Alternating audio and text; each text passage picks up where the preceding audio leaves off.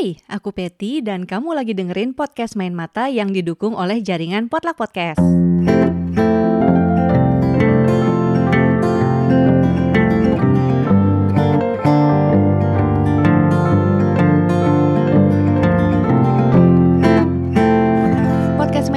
Adalah podcast buku yang ngebahas banyak hal seputar dunia perbukuan seperti obrolan dengan para pelaku, mulai dari penulis, penerbit, editor, dan lainnya. Juga ada rekomendasi berbagai jenis buku dan tantangan untuk kamu para pembaca. Selain podcast Main Mata, di jaringan Potluck Podcast juga ada podcast-podcast lain yang ngebahas tentang film, buku, seni, dan lain sebagainya. Cek akun Instagram @potluckpodcast, P O D L U C K ya, untuk info lengkapnya. Bab ini, aku ngajakin dua orang teman untuk merekomendasikan satu buku puisi favorit mereka. Yang pertama ada Cynthia Astarina, dia adalah bookstagrammer dengan akun Instagram @cynthiawithbooks. Terus yang kedua ada Teguh Avandi, kalau dia ini asisten editor sastra Gramedia Pustaka Utama yang akun Instagramnya itu @teguhavandi. Sebenarnya sih agak susah memang kalau diharuskan memilih hanya satu buku puisi favorit. Soalnya aku yakin ya pasti yang namanya favorit tetap aja jumlahnya bisa lebih dari satu. Tapi kalau disuruh memilih buku puisi yang tergolong baru, pilihan kami jatuh pada tiga buku yang isinya itu nggak cuma ngomongin tentang cinta-cintaan, tapi juga isu di kehidupan sehari-hari yang cukup nyentil dan dengan diksi yang nggak jelimet pastinya. Buku puisi apa aja yang kami rekomendasikan? Kalau dari Teguh, dia ngerekomendasiin buku Perjamuan Kongguan yang ditulis oleh Joko Pinurbo. Buku ini lagi hits banget juga karena baru aja terbit dan responsnya juga positif banget. Teguh ngirimin rekomendasinya dalam bentuk tulisan. Jadi aku bacain ya. Halo, saya Teguh Avandi. Rasanya sih kita bisa sepakat ya kalau tahun 2020 udah nunjukin kegarangannya. Diawali dengan Jakarta banjir, kemudian ada gesekan di Timur Tengah yang konon bisa berujung ke Perang Dunia Ketiga, ada virus corona, dan kematian Kobe Bryant. Belum usai catur bulan pertama habis, 2020 udah memberikan gambaran supaya kita makin waspada sepanjang tahun. Tapi di tengah yang tampak menyusahkan itu ada juga berita-berita bagus. Misalnya kemenangan Parasite di Oscar yang mungkin ini menjadi tanda kegairahan untuk melawan Oscar yang so white. Tapi berita menggembirakan lainnya adalah sepertinya akan muncul banyak judul buku baru yang menggembirakan di tahun 2020. Misalnya nih, salah satu judul buku yang begitu saya rekomendasikan adalah buku puisi terbaru Joko Pinurbo atau Jokpin yang judulnya Perjamuan Kongguan. Buku ini terbit tahun 2020 bulan Januari. Seperti buku-buku puisi Jokpin lainnya, dari judul dan covernya aja udah menggembirakan. Menggunakan sebuah merek yang melegenda di Indonesia. Dan lebih merasuk lagi, merek ini sering kali dipakai sebagai meme. Misalnya nih yang kerap kita temukan. Di mana Bapak Kongguan? Kaleng kongguan tapi isi rengginang. Atau wafer yang hampir selalu dipilih pertama dan biskuit lain yang semula didiamkan lama-lama habis. Puisi-puisi dalam buku ini pun demikian, menggunakan satu objek berupa merek dagang, kemudian dijadikan metafora, dan objek membentangkan alusi dan imajinasi Jokpin dalam puisi. Aneh nggak sih membenturkan sastra dan merek dagang? Enggak dong, justru memang lumrah dan bukan pamali. Misalnya, dalam novel The Extraordinary Journey of the Fakir Who Got Trapped in an IKEA Wardrobe yang ditulis oleh Romain Puertolas tahun 2013, itu bukunya juga menggunakan salah satu merek perusahaan mebel asal Swedia untuk menebalkan garis antara kelas atas dan kelas pendatang yang di novel ini adalah orang India. Membaca puisi Jokpin tuh kayak lagi nonton komedi satir. Kita ketawa, tapi diam-diam ada pisau yang menyayat, terus terasa ngilu dan menyisakan gaung di kepala. Misalnya gimana Jokpin menafsirkan keberadaan Bapak dalam kaleng Kongguan.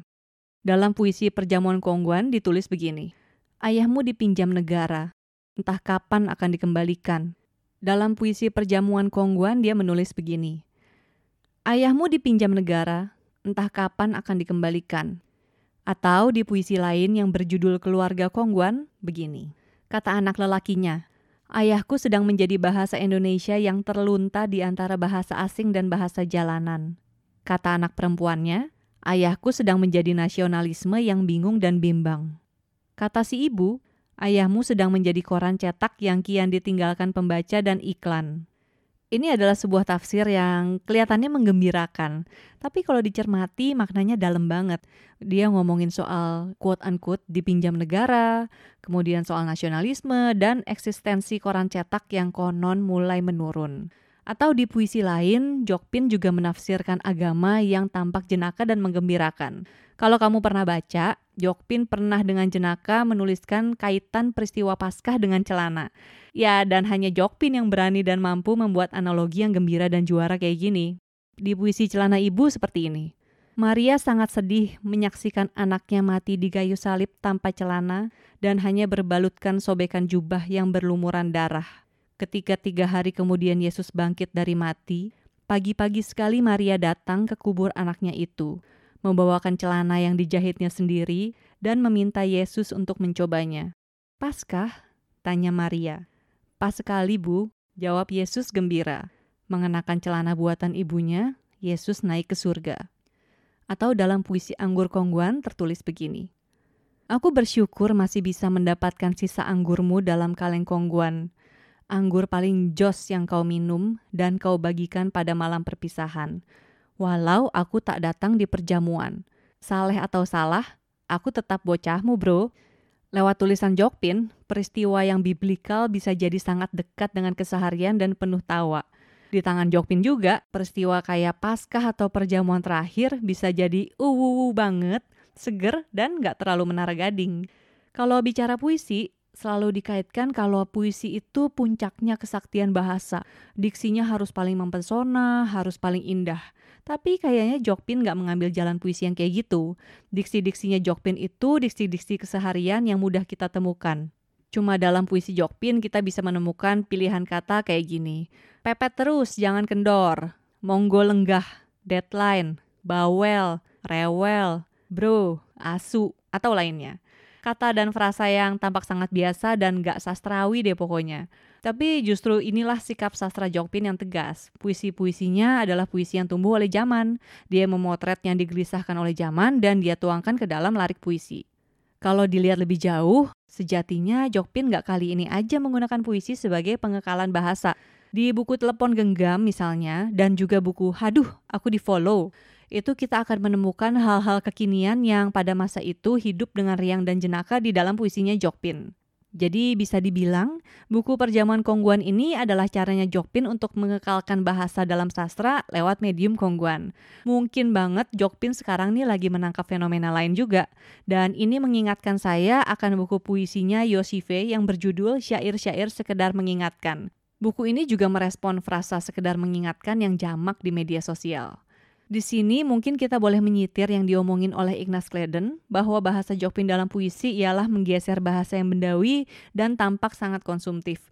Misalnya kayak telepon genggam, sarung, kopi, kongguan, Twitter, dan lain-lain ke arah makna yang transendental dan permenungan. Saya ingin mengutip satu puisi kesukaan saya dalam buku ini.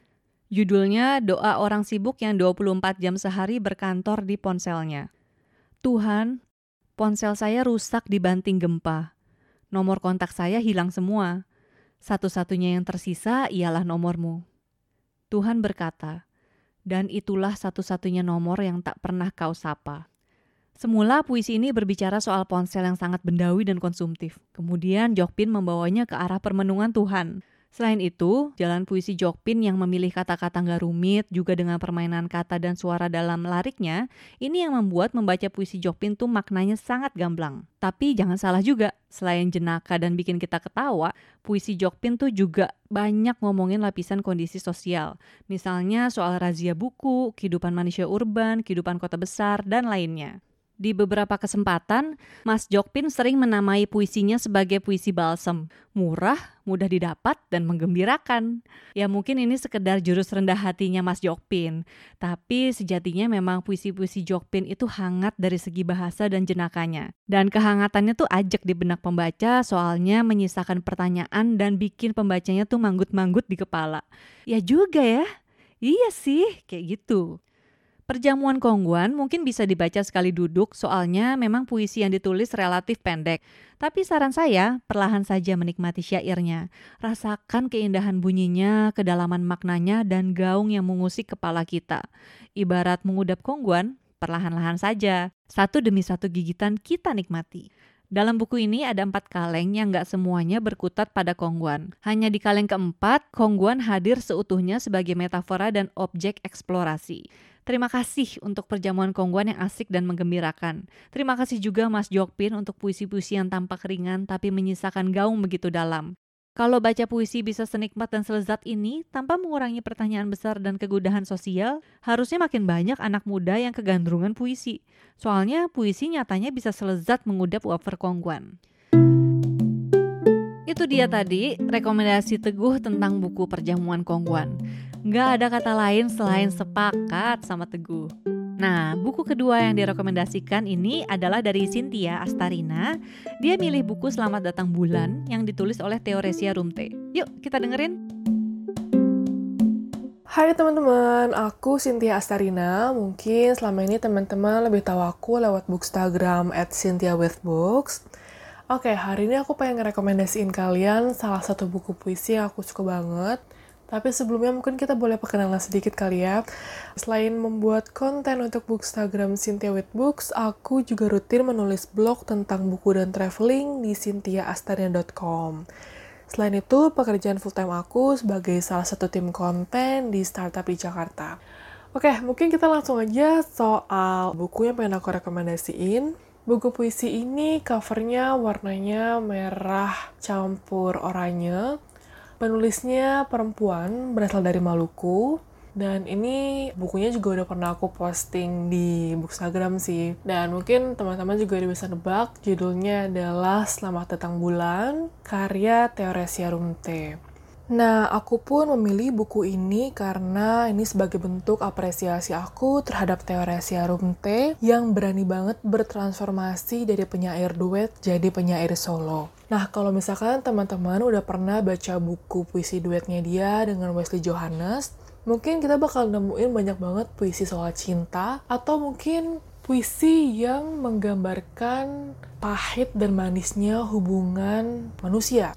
Tapi kalau misalkan kita baca Selamat Datang Bulan, kita bakal banyak banget nemuin tulisan-tulisan tentang agama, politik, hidup. Bahkan ada tema yang aku suka banget nih, yakni perempuan. Aku ingat banget ada salah satu puisi yang apa ya masih terkenang banget di kepala. Judulnya Nasihat Akhir Tahun.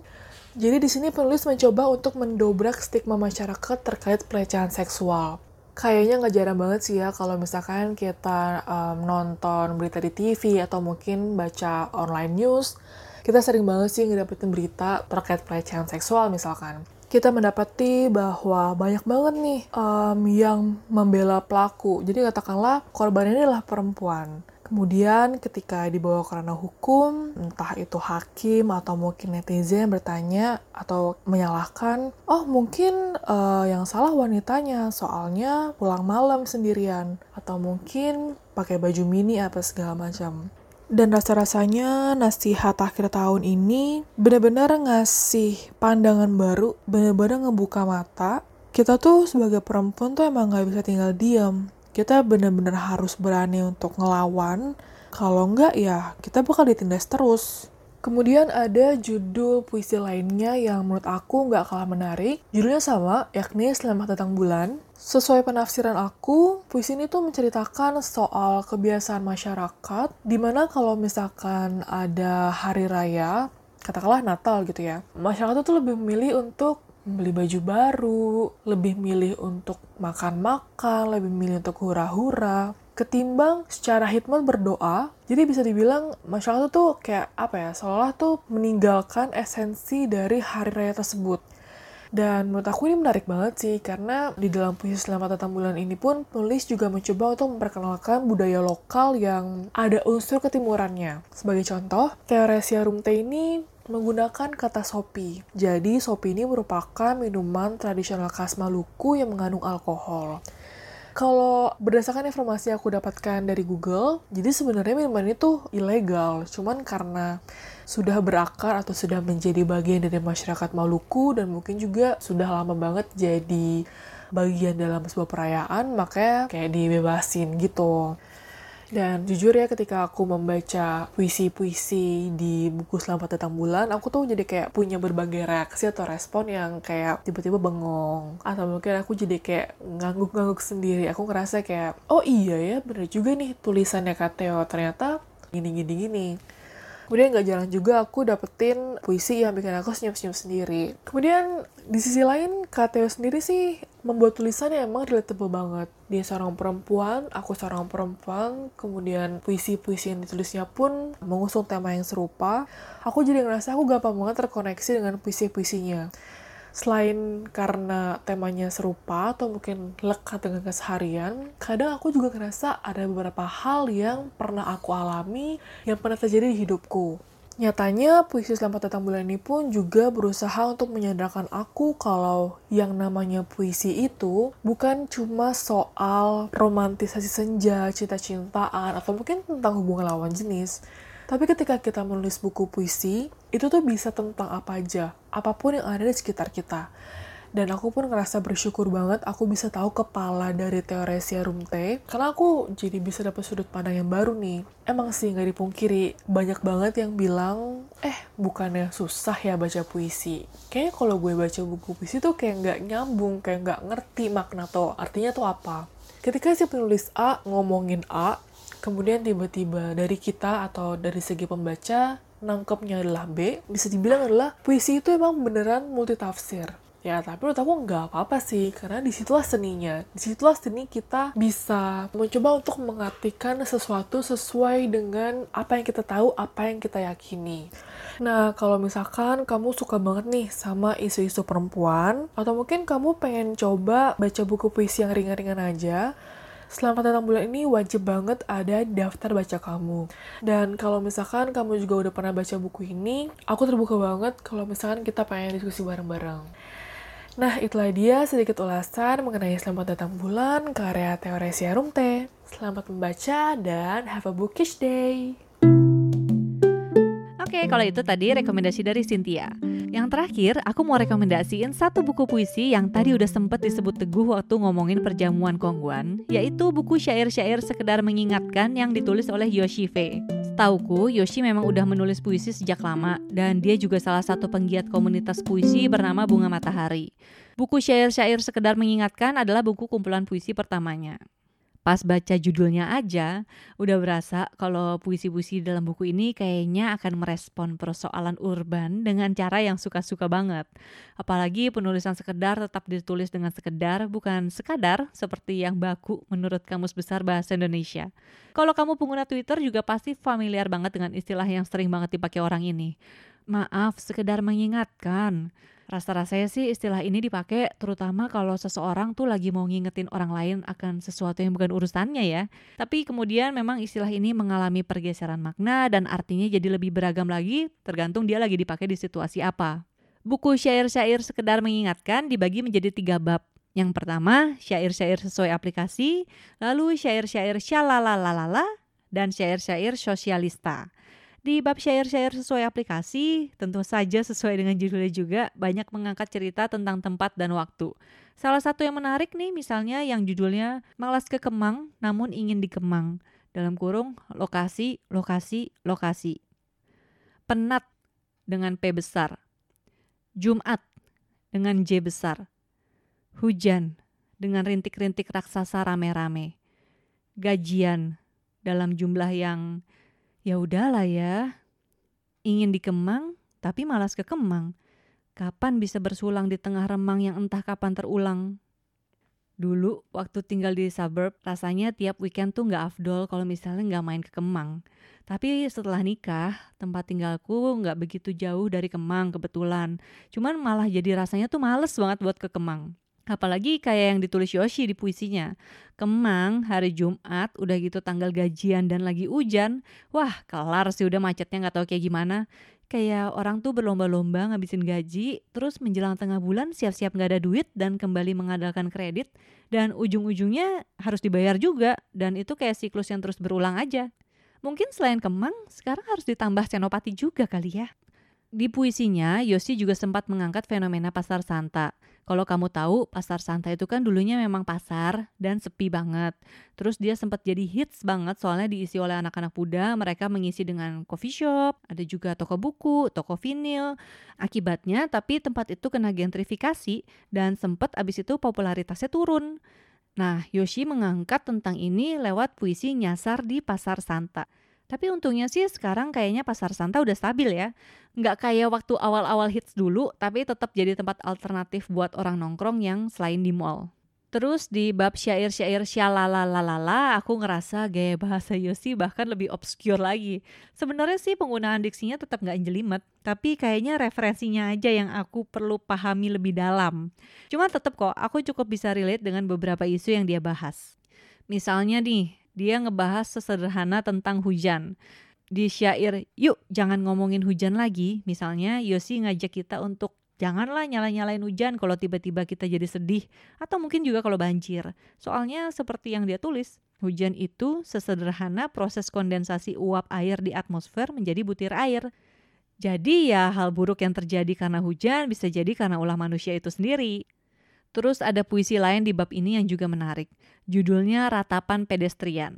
Sebagian syairnya sebagai berikut.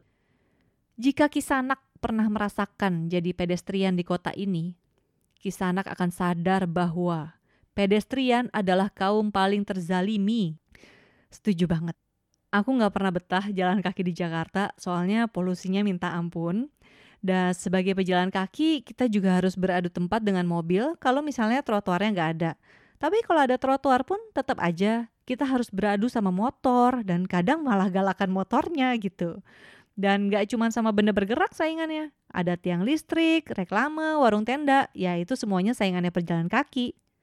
Terus seperti yang Teguh bilang tadi pas lagi membahas buku Perjamuan Kongguane Jokpin, puisi-puisi Yoshi itu rasanya punya gaya yang setipe tapi dengan pemilihan diksi dan referensi yang lebih urban. Waktu ngobrol bareng podcast buku kutu di acara Tukar Buku Tukar Tambah, Yoshi pernah bilang kalau puisi-puisi dia itu juga cukup terinspirasi dari musik. No wonder ada beberapa puisinya di dalam buku ini yang aku butuh waktu untuk memahami lebih dalam. Terutama yang ada hubungannya dengan musik, soalnya aku memang gak gitu ngikutin dunia musik. Tapi secara keseluruhan, buku ini enak sekali untuk dinikmati. Dua puisi terakhir di dalam buku ini adalah salah dua favoritku. Judulnya Elegi untuk Penyair dan Aku. Untuk menutup, aku bacakan elegi untuk penyair ya. Kau bilang kau penyair, nyatanya pegawai negeri sipil. Kau bilang kau penyair, nyatanya penasehat hukum. Kau bilang kau penyair, nyatanya wakil rakyat, seharusnya merakyat. Kau bilang kau penyair, nyatanya pimpinan media. Banyak alusi, banyak ilusi. Kau bilang kau penyair, nyatanya juru sunting bahasa. Nyatanya konsultan media sosial para waktu.